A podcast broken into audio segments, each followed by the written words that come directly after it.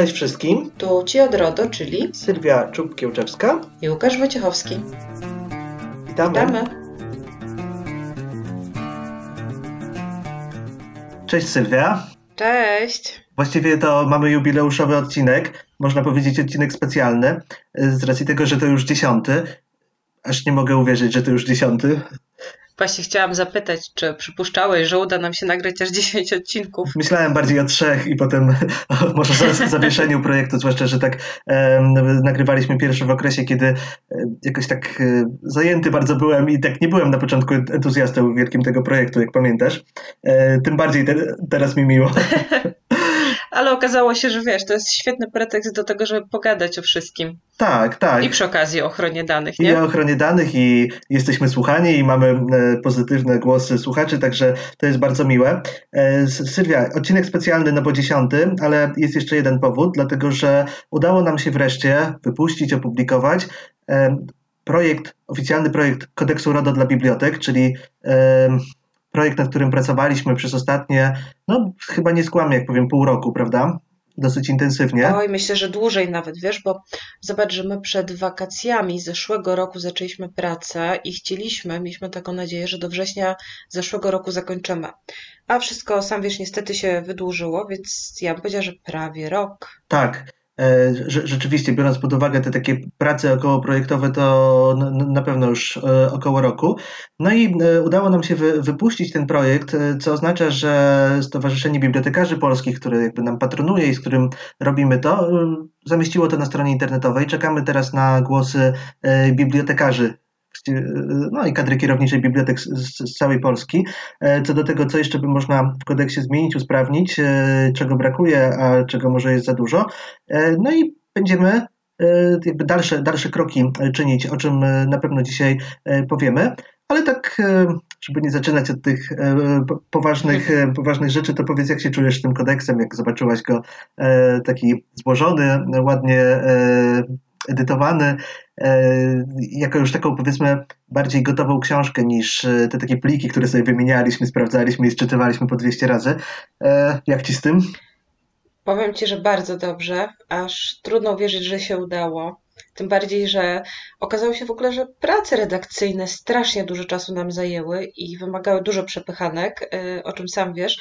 Nawet kurczę, głupią okładkę chyba miesiąc ustalaliśmy, tak? Gdzie na koniec dnia okazało się, że zupełnie inny projekt y, w ostatniej chwili, w 5 minut zrobiony, y, został przez wszystkich zaakceptowany. Więc okazuje się, że redagowanie podręcznika, bo to jest jednak podręcznik, nie jest takie proste, bo każdy ma swoje zdanie co wiadomo, co człowiek to opinia i wszyscy mają rację, e, co sprawiło, że naprawdę e, długo nam się schodziło ze wszystkimi zmianami. Jeszcze w międzyczasie oczywiście jakieś wytyczne wyszły, zmiany w przepisach, więc musieliśmy dopisywać rozdziały, zmieniać rozdziały i powiem szczerze, że już tak w listopadzie zeszłego roku ja miałam wątpliwości, czy nam się to uda dociągnąć do końca. Nie wiem jak ty. No, na pewno takie przychodziły chwile, chwile zwątpienia. Właściwie to y, z mojego doświadczenia prace redakcyjne nad każdą książką są trudne. No tutaj jakby dochodziło jeszcze kilka, kilka czynników, e, zwłaszcza to, że nad, którymi, nad niektórymi rozwiązaniami autentycznie się zastanawialiśmy razem, prawda? Dyskutowaliśmy to i, i między sobą, i, e, z, I z autorami, i z ekspertami. I z praktykami, tak, tak, bo e, rzeczywiście, rzeczywiście jest tak, myślę, że obydwoje przekonaliśmy się, jak bardzo jeszcze taką e, płynną i nieuporządkowaną materią są przepisy RODO i ich realizacja w praktyce. I czasem nie wiadomo, nie wiadomo na czym się oprzeć, ale myślę, że to, co tak wymęczyliśmy w bólach, będzie dosyć ciekawe i tutaj od razu powiem, nie chciałbym, żeby to był odcinek tylko dla e, pracowników bibliotek i kadry kierowniczej bibliotek, których serdecznie pozdrawiamy. Współpracujemy z nimi. Ja, ja, ja oczywiście dzięki Tobie też już od e, kilku lat z bardzo wieloma bibliotekami współpracuję. Uwielbiam biblioteki, nie ukrywam. E, I jako klientów, i jako, no, jako po prostu. Jako bibliotekarze są po prostu bardzo tak, kulturalnymi ludźmi. Tak. Wiele razy o tym mówiliśmy, że świetnie się szkoli bibliotekarzy, po prostu szkolenia z nimi są mega przyjemne. Tak, to jest przyjemność oczywiście, ale też e, wydaje mi się, że samo to opracowanie, które powstało, ta, ta książka, ten podręcznik, jak mówisz, e, on może być ciekawą lekturą dla praktycznie każdego, kto zajmuje się ochroną danych osobowych. E, I tak trzeba na to, na to popatrzeć, dlatego że uporządkowaliśmy no, taki bardzo, bardzo szeroki obszar. Spróbowaliśmy go usystematyzować i myślę, że też kolejne kodeksy, które będą powstawały, mogą być jeszcze lepsze, dlatego że na te poprzednie zawsze można spojrzeć, wybrać coś, zobaczyć, oni to opisali w tym rozdziale, a ja to może zrobię w tamtym. E, dlatego wydaje mi się, że że zrobiliśmy kawał dobrej roboty, no ale oczywiście e, sam kodeks nic nie zmieni, jeżeli e, nie będzie używany w praktyce, dlatego teraz nasze zadanie, zadanie wszystkich bibliotek będzie polegało na tym, żeby rzeczywiście trochę to co tam opisaliśmy, żeby wcierać w życie, oczywiście w miarę możliwości cza czasowych i no, wiadomo, że w instytucjach kultury jest bardzo dużo pracy, wiemy to, wiemy to obydwoje, ale też wydaje mi się, że e, no, nawet jeżeli pojawią się na bieżąco jakieś wątpliwości co do przetwarzania danych osobowych w bibliotekach, to e, już będzie możliwość, żeby sięgnąć, zobaczyć, ok, no jeśli chodzi o monitoring, to oni napisali, że można to zrobić tak i może rzeczywiście warto to tak zrobić. Mhm. E, Zastanawiam się, jak zacząć zdanie. to, tak to jest, jak jest przydługa wypowiedź. Znaczy, przepraszam, może nie przydługa, ale wiesz. E, monolog. Przynajmniej do trzech. tak, monolog i przynajmniej do trzech rzeczy, które zostały powiedziane, chciałbyś nawiązać. Więc ja może trochę zacznę e, od początku, czyli od tego, e, co powiedziałeś, że to jest bardzo kompleksowy dokument. Przejrzałam inne polityki. W ogóle bardzo dziękuję Pan Adam Klimowski opublikował, e, zebra, zebrał, opublikował taki artykuł, w którym są wszystkie informacje o kodeksach RODO, e, które powstały, które zostały złożone do prezesa, które nie zostały złożone, e, nad którymi prace trwają. I przeglądając. Wiesz co, Sylwia, ja się wtrącę, ja się tylko wtrącę i myślę, że naprawdę e, gratulacje dla pana Adama, dlatego że nie jest łatwo znaleźć te kodeksy. W ogóle prawda? nie Powiedzmy jest. to sobie szczerze, to jest taka to była kodeksów. detektywistyczna praca. No tak. właśnie, jak, nie, nie wiem jak on to zrobił. 26 kodeksów, ja wiedziałam chyba o pięciu, więc w ogóle totalny szok. E, oczywiście super jest to zebrane, dlatego że on jeszcze wszystko podlinkował, więc można sobie ściągnąć, poczytać. I powiem Ci szczerze, jak popatrzyłam na te inne projekty kodeksu, to stwierdziłam, że my podeszliśmy do tematu niesamowicie kompleksowo. U nas e, kodeks omawia właściwie wszystkie zagadnienia, wszystkie procesy, E, a biblioteczne, ale może inaczej, bibliotek jako administratorów od początku do końca, podczas kiedy na przykład jest taki projekt e, kodeksu dla marketingu, który ma chyba 35 stron. I on się skupia tylko i wyłącznie na tej kwestii marketingu, tak? No bo on tego dotyczy. A my stwierdziliśmy, że... To jest taki że... krótki poradnik, prawda? Tak, A tutaj jest jakby Który się skupia, szczegółowo. dotyczy marketingu, więc jest o marketingu. Natomiast my się zajęliśmy kwestią zatrudnienia, umów zleceń, praktykantów, e, staży w bibliotece, e, kwestiami czytelników, kwestiami wydarzeń bibliotecznych w zasadzie e, Zakładowego Funduszu Świadczeń Socjalnych. W zasadzie dotknęliśmy e, każdego aspektu pracy biblioteki jako organizacji. I szczerze mówiąc, myślę, że ten kodeks jest bardzo uniwersalny, bo w zasadzie każdy pracodawca, nie tylko biblioteka, mógłby po niego sięgnąć i spokojnie go u siebie zastosować, pomijając po prostu te elementy, które dotyczą bezpośrednio bibliotek. E, myślę, że to jest też nasz chyba duży sukces tego kodeksu, bo jeżeli on jest tak kompleksowo opracowany, to będzie także uniwersalny i myślę, że będą nie tylko, nie będzie nam się tylko marzyć, że będą po niego sięgać, ale faktycznie będą po niego sięgać inne branże. Taką mam nadzieję i na to liczę. E, Sylwia, a e, może jeszcze tak zastanówmy się e, nad, nad taką jedną rzeczą. Pewnie słuchają nas też eksperci z branży, którzy zastanawiają się sami e, nad tym, żeby może stworzyć taki sektorowy kodeks w jakichś swoich branżach, w których, w których działają. Powiedz, jak generalnie wspominasz kwestie konsultacji, zgłaszania uwag? Jak myślisz, czy rzeczywiście robiąc pracę nad takim opracowaniem, i pytając praktyków, coś to wnosi, czy lepiej, lepiej e, do, do, doradzić innym, żeby przygotowywali kodeksy tylko w gronie ekspertów? Jak ci się wydaje? Cokolwiek byśmy nie doradzili, e, i tak przepisy RODO mówią wprost, że musimy konsultować, czyli nawet jak jesteśmy ekspertami w danej dziedzinie, to i tak bez praktyków sobie nie poradzimy. E, Ale wiesz, Polacy są mistrzem pozorowania, jak przepisy RODO mówią, że trzeba konsultować, zawsze się tam można znaleźć trzy słupy. E, mi, mi bardziej chodzi Niech o to. Niech mi pan skonsultuje. Znaczy, mi się bardzo czy podoba, warto? Tak, mi się bardzo podoba rozwiązanie, które przyjęliśmy z naszym partnerem, czyli Stowarzyszeniem Bibliotekarzy Polskich, które przejęło na siebie kwestię konsultacji, było takim buforem podziałem pomiędzy ekspertami a naszymi autorami i nami jako redaktorami. I było tak, że oni zadawali pytania, zbierali te pytania i mogliśmy wyciągnąć e, wnioski. E, konsultacje e, były dosyć ograniczone. Stwierdziliśmy, że dopiero konsultacje publiczne będą mm, szersze, kiedy będzie można się szerzej wypowiedzieć. Baliśmy się tego, myślę, że mogę mówić, że baliśmy, bo ty i ja się tego bałeś, że jeżeli będziemy dawać ekspertom całe podrozdziały do przeczytania, wprowadzania zmian i konsultowania, to w tym momencie nigdy z tego kodeksu nie wyjdziemy, bo każdy będzie się czepiał o przecinki, o to, o jedno słowo. Ja pamiętam, że e, jak z Mariuszem Werkoczyńskim pisaliśmy artykuł dotyczący joda, e, to czasami o jedno słowo się kłóciliśmy. On jako autor, ja jako redaktor. I to jedno słowo później było kluczowe e, dla sensu całego na przykład akapitu. Więc no tak, a to wiesz, a to są czasem pojedyncze słowa, a czasem generalnie ktoś ma inną wizję, inną wizję. nie wiem, realizacji obowiązku informacyjnego, udostępniania danych, inny, innych jakby praw autorskich, wielu rzeczy, które no, jakby są dyskusyjne i one zawsze będą dyskusyjne. Dokładnie tak. E, Poza tym pamiętasz, że my się też kłóciliśmy między sobą. E, mieliśmy jednego autora, który miał odmienne zdanie w kilku dla nas kluczowych kwestiach. Oczywiście, tak, tak, tak. I chyba z miesiąc to... omawialiśmy najpierw wcześniej to, jak mamy podejść do tego rozdziału, prawda, zanim się w ogóle za niego zabraliśmy. Tak, poza tym e, też jest tak, że na pewno możemy podpowiedzieć osobom, które e, podjęłyby się, no tak, tak jak my, bo trzeba powiedzieć, jaka jest, jaka jest struktura tego kodeksu. My jakby we dwoje e, podjęliśmy się redakcji merytorycznej, współpracowaliśmy z, z bardzo znaczy, fajnymi może autorami. Zacznijmy od tego, że my to wymyśliliśmy, czyli najpierw była wizja, później rozpisaliśmy ten kodeks na to, co chcielibyśmy w nim mieć. Czyli zrobiliśmy sobie konspekt, prawda?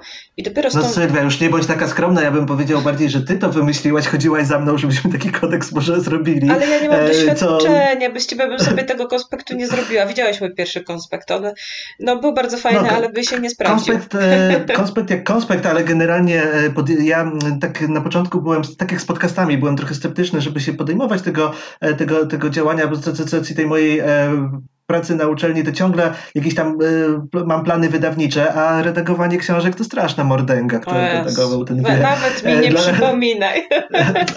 Dlatego, jak powiedziałaś, no to zredagujmy sobie książkę, to e, nie, nie, byłem, nie byłem zachwycony. E, no, I ale... jeszcze za darmo. Zrobimy to za darmo. I znajdźmy ludzi, którzy też to zrobią za darmo, prawda? Więc już w ogóle. Tak w dzisiejszych czasach to nie jest takie łatwe, e, mhm. ale też e, wydaje mi się, że jako redaktorzy, no bo musieliśmy podejmować ostateczne decyzje, no musieliśmy czasem wejść w taką rolę e, twardych ludzi, nieprzejednanych. E, na niektóre rzeczy nie mogliśmy się zgodzić, pomimo tego, że te koncepcje naszych autorów czasem były bardzo ciekawe. I naprawdę zdarzało się, że nie wiem, ktoś mnie wręcz przekonał do tego, że można coś zrobić inaczej, ale nie, nie, nie, nie można było się no, czasem aż tak e, rozdrabniać, czy no, też prace musiały iść do przodu, więc czasem przyjmowaliśmy bardziej uniwersalne rozwiązania, czasem się na coś zgadzaliśmy.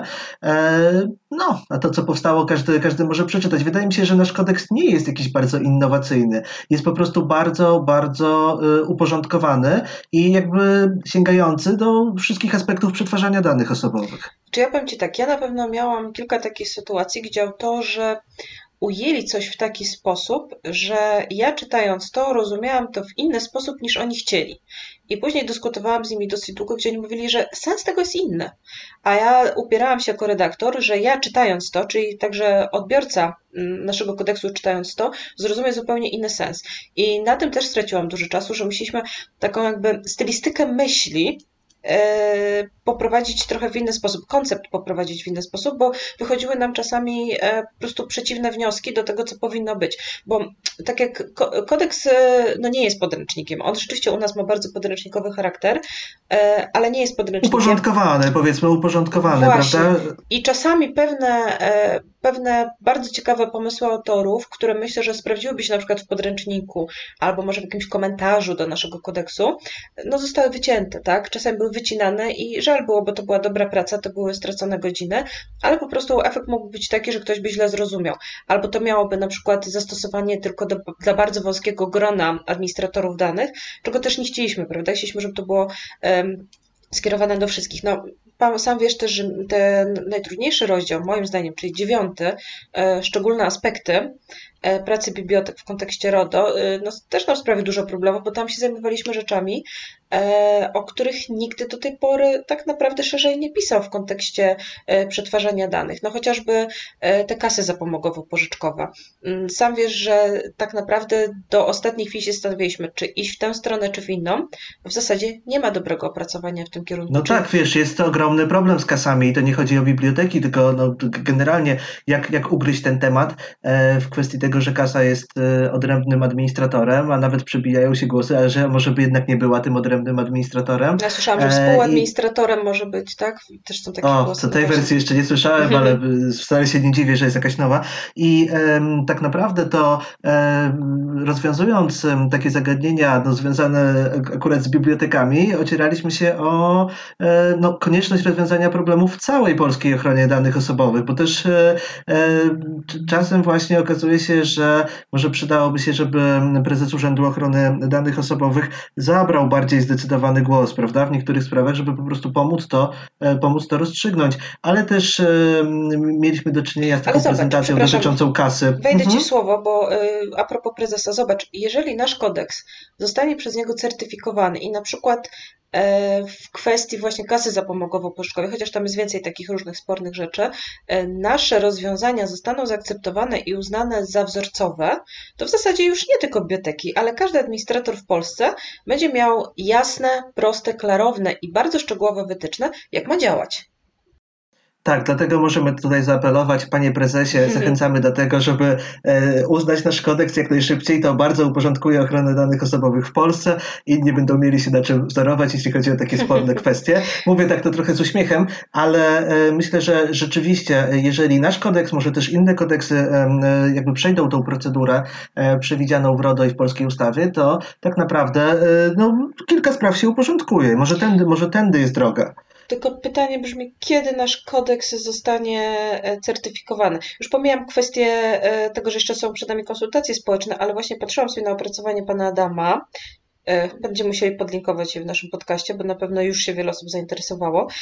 I widzę, kurczę, tak, 2018 rok, pierwsze kodeksy złożone do prezesa, początek 2018, a my mamy 2020, dwa lata i zero prac zero postępu, jeżeli chodzi o certyfikację. I ja się boję tego, e, nie wiem, Łukasz, czy ty miałeś jakieś doświadczenia w certyfikowaniu dokumentów? E, ja miałam, certyfikowałam polityki informacyjne, to są takie marowskie w spółkach akcyjnych. I ja mhm. miałam jeden problem, że ekspert, z którym ja współpracowałam przy certyfikacji, który miał ocenić ten dokument, działał bardzo powoli. I kiedy on już sprawdził mój dokument, zazwyczaj zajmowało mu to 3 do 4 miesięcy, to dane analityczne, na podstawie których ten dokument powstał, już się zdążyły dezaktualizować. I ja przez Tylko, rok... Sylwia, ja, wiesz co, ja mam nadzieję, że te kodeksy, że to, co zostało złożone u prezesa e, UODA, że to e, nie jest tak, że oni to odłożyli na półkę, tylko że coś tam się z tym dzieje. Ja się obawiam, tego... że właśnie obawiam się tego, że będzie tak jak z tą moją certyfikacją tych polityk informacyjnych, że prezes UODA to przeczyta i powie, no dobra, ale to już jest nieaktualne, zaktualizujcie i prześlijcie mi aktualną wersję. Bo ja jak certyfikowałam te polityki informacyjne, to czterokrotnie, słuchaj, czterokrotnie na nowo musiałam zrobić całą analizę statystyczną, co nie jest proste, bo trzeba zebrać dane, opracować je i za każdym razem to ci dużo czasu zajmuje. Mhm i na nowo zaktualizować dokument pod tą analizę, która mi wyszła, bo dokument musiał być aktualny na dzień certyfikacji. Ja się strasznie tego obawiam, że tutaj te kodeksy się dezaktualizują, no bo zobacz, jeżeli one zostały złożone w 2018 roku, nawet na początku 2019, to już są nieaktualne, bo weszły nam przepisy e, ustawy wdrażającej RODO. I tam na pewno coś im się pokitrało w tych, w tych kodeksach i coś trzeba byłoby zaktualizować. Jeżeli prezes będzie to tak powoli certyfikował, to ja myślę, że my będziemy promować nasz kodeks nie jako kodeks, tylko po prostu jako podręcznik. I obawiam się, że może się okazać, że on e, po prostu e, doczeka się certyfikacji. Że nie, nie dożyjemy certyfikacji. Znaczy, jak dożyjemy, to to już nie będzie miało znaczenia. Aha, no to, to, nawet jeśli. E, wiesz co, e, moim zdaniem, e, jeżeli nawet będziemy promować nasz kodeks jako zbiór dobrych praktyk, jako podręcznik, jako taki zbiór wytycznych, to myślę, że to i tak będzie miało duży sens i na tym będziemy się musieli skupić w najbliższym czasie. Oczywiście tak, możemy, możemy powiedzieć oficjalnie, że chcemy poddać się tym procedurom prezesa urzędu, chcemy dążyć do tego, żeby był to dokument oficjalny, jakby posiadający tutaj ten powiedzmy kolokwialnie, patronat prezesa urzędu i żebyśmy mogli, mogli mówić o dokumencie oficjalnym. Natomiast bardzo nam też zależy, żeby promować to, co już zostało zrobione, dlatego że współpracujemy z bibliotekami i wiemy, że to jest bardzo potrzebne. I wielokrotnie rozmawiałem e, z, z, dyrektorami bibliotek i mówiłem, no tak, ale to spokojnie, bo jeszcze zobaczymy, co na to prezes urzędu. A oni mówili, panie Łukaszu, dawaj pan ten kodeks jak najszybciej, bo my potrzebujemy tego, a sobie tam będziecie robić te procedury, bo wiadomo, jak to u nas z biurokracją, prawda? Czyli jakby takie osoby trzeźwo patrzące e, na rzeczywistość wiedzą, że no, mm, coś, coś e, powstało coś wartościowego, z czego będzie można korzystać. I myślę, że też cieszymy się na tyle zaufaniem e, w instytucjach kultury, że oni też wierzą, że no, żadnych głupot tam nie przepuściliśmy e, i e, można się, można się opierać. Jeżeli będzie się wdrażało to, co tam jest, to na pewno nie zaszkodzi to, E, niezależnie od tego, czy będzie to oficjalnie potwierdzone przez prezesa urzędu, e, czy nie. I jeszcze o jednej rzeczy chciałbym mhm. Sylwia powiedzieć, dlatego że e, jakby moje doświadczenia ze współpracy z bibliotekami są takie, że w niektórych instytucjach bardzo dobrze jest prowadzony proces ochrony danych osobowych, wiele rzeczy zostało wdrożonych, w niektórych mniej. Dlatego na pewno nie jest tak, że każdy musi ten kodeks przeczytać od deski do deski jakby, i tą książkę przeanalizować. Ona jest dosyć długa, prawda? I taka Bardzo długa. E, o, o, o, wielu, wielu kwestiach traktuje. Natomiast ja e, uważam, że warto, żeby w każdej bibliotece w Polsce e, osoby zajmujące się ochroną danych osobowych przeczytały spis treści, e, czego sobie gdzieś tam wydrukowały, trzymały. Jeżeli pojawia się problem w jakimś konkretnym obszarze, na przykład musimy przyjąć kogoś nowego do pracy, wtedy można sobie otworzyć ten kodeks na odpowiedniej stronie i zobaczyć, no dobra, a jakie my procedury? A może oni podpowiedzieli jakieś Coś e, trudniejszego, praktyki studenckie. E, na przykład. Na przykład, mhm. nie? Przetwarzanie w chmurze. Chociaż to już pewnie też niedługo będziemy aktualizować, bo są jakieś wytyczne. No właśnie, e, masz rację. Fajnie by było, jakby ludzie po to sięgali. Ja powiem więcej, ja wiem, że sięgają, bo w zasadzie w ciągu kilku dni po tym, jak kodeks został opublikowany, ja zostałam zasypana mailami od znajomych, którzy pracują w zupełnie innych branżach, ale zajmują się mhm. ochroną danych. I oni mówią, czytam kodeks, jest super, albo czytam kodeks w tym rozdziale, ja bym zrobił to inaczej, ale rozumiem wasze stanowisko, jest fajnie uzasadnione i myślę, że jeżeli ktoś będzie to robił w ten sposób, to też będzie ok, bo też miałam takie komentarze, które były bardzo ciekawe. E, dostałam parę rad, to też było interesujące. Inspektorzy napisali na przykład, wiesz, można byłoby to zrobić w ten, ten sposób, byłoby łatwiej. Skoro jeszcze macie konsultacje, mhm. to pomyślcie o tym, może to tak zrobicie. Więc bardzo, bardzo takie, wiesz, duże zainteresowanie w ogóle osób zajmujących się ochroną danych. To, co powiedziałeś, no, wzbudzamy zaufanie ludzie kojarzą ciebie, kojarzą mnie. Y, większość autorów myślę, że też e, mniej lub bardziej kojarzą, bo to też są osoby. No, jednak... Na pewno, tak, które, które działają w tym zakresie. To są oczywiście. eksperci z branży, no właśnie. E, jest zaufanie, jest zaciekawienie i są pozytywne reakcje, i może to, że myśmy tak kompleksowo do tego podeszli, też zostanie docenione, bo e, myślę, że ludzie widzą, że nam zależało na tym, żeby to było nie tylko dla bibliotek, bo jakbyśmy to robili tylko dla bibliotek, to by to było o połowę, myślę, tak, można by sporo okroić. Yy, oczywiście, bo... A tutaj misja yy... była, prawda? Taka, wiesz, szersza, że chcemy, tak. żebyście mogli po to sięgnąć. Wiesz co, ja bym chciała jeszcze tak skupić się na problemach, bo mhm. oczywiście padło dużo pytań, czemu wyście to tak długo pisali? Dlaczego to tyle trwało? Obiecywaliście, że będzie we wrześniu. Mamy luty, tak? Dlaczego tyle czasu? E, więc może warto powiedzieć o tym. Myślę, że to nie jest tajemnica, dlaczego to nam tyle czasu zajęło. Może no, najpierw o swoich problemach tyle, i o swoich. Wiesz co, no generalnie to y, przede wszystkim y, zawsze różnie się układa współpraca z y, autorami i e, tutaj e, akurat zebraliśmy grupę naprawdę bardzo takich e, sensownych, fajnych osób, z którymi dobrze się współpracuje, które się na tym znają, no ale zawsze pewne już takie zagadnienia merytoryczne wymagały dodatkowych konsultacji, że tak powiem, żeby trochę się pospierać, e, trochę, trochę podrążyć. Oczywiście e, same prace redakcyjne też u mnie trwały dosyć długo, zdarzały się jakieś tam podrozdziały, które trzeba było poprawiać no, bardzo skrupulatnie. Oczywiście sami też pisaliśmy ten kodeks, więc to, to, to, to nie jest tak, że zajęliśmy się tylko pracami redakcyjnymi. Tylko również pisaliśmy swoje te podrozdziały, razem je czytywaliśmy, dyskutowaliśmy. Zobacz, ile my we dwoje podrozdziałów zrobiliśmy, plus redakcja. Nie powiedziałeś o tym, że zrezygnowało nam kilku autorów. Nie mówimy kto, bo zaproszonych było dużo więcej niż w tym momencie występuje w kodeksie, ale mieliśmy taką sytuację, że no było kilku autorów, którzy praktycznie do ostatniej chwili mówili, że coś napiszą, a nie napisali. Mieliśmy też sytuację tekstów bardzo słabej jakości, nad którymi dużo czasu straciliśmy. I ta jakość. Oj, Sylwia, ja już nie chciałem poruszać a, tych ja poruszę, rzeczy, ale bo warto może powiedzieć, rzeczywiście warto. E, warto mhm. powiedzieć, że czasami nawet najlepszy ekspert, który ma świetną wiedzę, nie potrafi tej wiedzy przekazać. I ta stylistyka e, podrozdziału na przykład wymagała napisania w zasadzie go od nowa i oboje mieliśmy takie sytuacje. Myślę, e, że nie ma co ukrywać i dlatego to się tak zeszło, bo po pierwsze trzeba było poprawiać, po drugie jest jeszcze kwestia tego, że to jednak jest kodeks, a każdy autor ma swój własny styl. E, I my, jako redaktorzy, musieliśmy tak jakby ujednolicić style wszystkich autorów. E, I z tym tak. też się trochę zeszło, bo wiadomo, że każdy ma swoje. Znaczy, jak ja czytam, to ja nawet e, czytając wiem, kto co napisał, na przykład czytając Twoje podrozdziały, bo rozpoznaję na przykład styl Doroty albo styl, Mariusza, Piotra, tak? Każdy z nich ma takie no, swoje charakterystyczne takie wtręty, ale jednak rozpoznaję też na przykład rękę Łukasza Wyciąskiego, który to ugładził żeby to wszystko tak troszkę bardziej pojednolite, żeby te same sformułowania były używane, nie? No wiesz, tego typu, tego typu książka, tego typu opracowanie wymaga jednak jakiegoś takiego może bardziej formalnego stylu trochę, prawda? Czasem ktoś świetnie coś przekazywał, ale na przykład językiem potocznym bardziej. No właśnie. E, I to że, rzeczywiście tak było. E, no ciekawe, że nawiązałaś do tych osób, które nas powiedzmy trochę, trochę zawiodły. Ich, ich, ich nazwisk nie ma w kodeksie.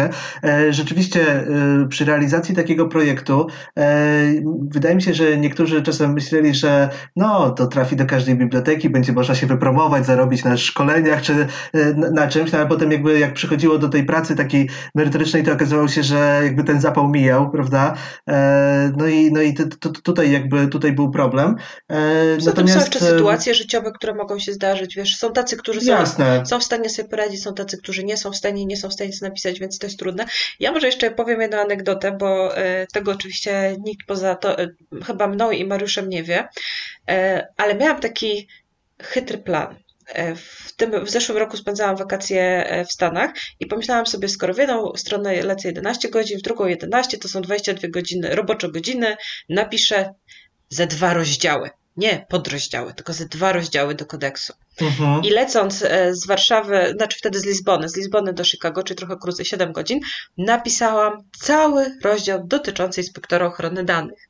Po czym wróciłam do Polski i Mariusz przesłał mi gotowy rozdział.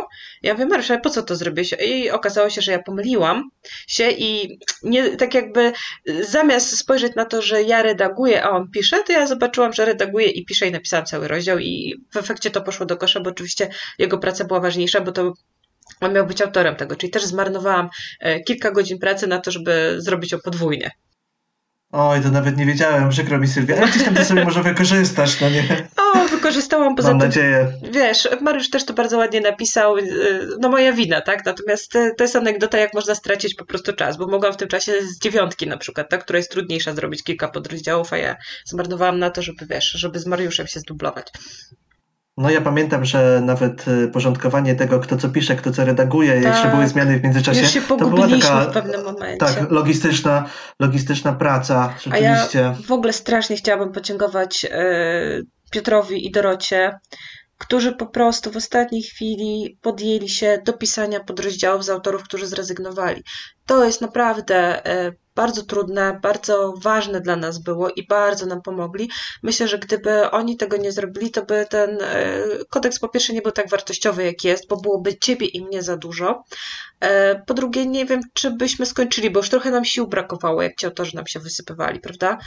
No to prawda, albo jeszcze by się to bardziej przedłużyło, a wtedy już tak by nam by się dezaktualizowały rozdziały, które były najpierw pisane, e, czy podrozdziały. Dlatego no tutaj świetna robota. Wszystkim autorom właściwie możemy podziękować, bo no, każdy dał z siebie bardzo dużo. Bardzo dużo. E, I taka jest prawda. Warto podkreślić, że żadna z tych osób nie wzięła wynagrodzenia za swoją pracę. A to jest naprawdę wiele roboczo godzin, plus wiedza, którą oni przekazali, która także jest bardzo wartościowa. Więc to także trzeba docenić, bo normalnie jak się pisze książki czy podręczniki, to się na tym zarabia i nawet się bardzo dobrze zarabia, a tutaj autorzy zrobili to bezinteresownie. E, I niekoniecznie dla chwały, bo myślę, że ci, co chcieli robić to dla chwały, to zrezygnowali, bo im się odechciało, kiedy się okazało, ile to jest pracy bezpłatnej. To prawda, chociaż mam nadzieję, że wszyscy autorzy jeszcze zarobią dzięki tej pracy w przyszłości. O, oby tak było, no bo to też jakby pokazuje, że pracy z ochroną danych w instytucjach kultury jest bardzo dużo i będzie, a jednak, jednak są to osoby, które no, wyróżniają się wiedzą na temat ochrony danych osobowych w instytucjach kultury. Myślę, że nie tylko e, wiedzą, ale także podejściem, bo nam się bardzo dobrze ze wszystkimi autorami pracowało, e, czy z Jarkiem, który przecież prawem autorskim się zajął i BIP-em, czy właśnie z Mariuszem. O Michale jeszcze nic nie powiedzieliśmy, on przecież jest specjalistą od tych kwestii e, cyberbezpieczeństwa, teleinformatyki, każdy z nich miał taki otwarty umysł. To było fantastyczne. E, rzeczywiście, tak jak mówisz, otwarty umysł i taka myślę, że wzajemna życzliwość pozwoliła e, jakby e, na domknięcie, domknięcie tego I teraz projektu. co dalej? Co dalej? Bo o to no właśnie, no właśnie, o to cię, o, o to cię chciałem zapytać, co, bo, bo czas ja mam mówić, ja mam będziemy tak? kończyć ten odcinek. Ja mam mówić, dobra. Powie, Powiedz ty, powiem ja i będziemy, będziemy się żegnać. żegnać ale nie przeżegnywać, tylko mówić do zobaczenia. Dobra. No bo już 30 minut. Okej, okay, co dalej? E, pomysł jest e, oczywiście taki, że trzeba teraz zrobić konsultację społeczną, bo my i e, wąskie grono ekspertów podeszliśmy do tego zagadnienia tak, jak nam się wydawało, że jest dobrze, tak jak będzie korzystnie, natomiast no, nie da się ominąć konsultacji społecznych. Kodeks został opublikowany, Stowarzyszenie Bibliotekarzy Polskich zbiera teraz wszelkie uwagi, no one oczywiście przejdą przez naszych, przepraszam, naszych autorów, którzy odniosą się albo nie, no bo nie każda uwaga musi musi być poprawna albo dobra. E, na pewno zrobimy jakieś spotkanie, jakąś konferencję. Mm, może w maju tego roku, może w czerwcu, zobaczymy, e, gdzie zaprosimy tych najbardziej aktywnych krytykantów.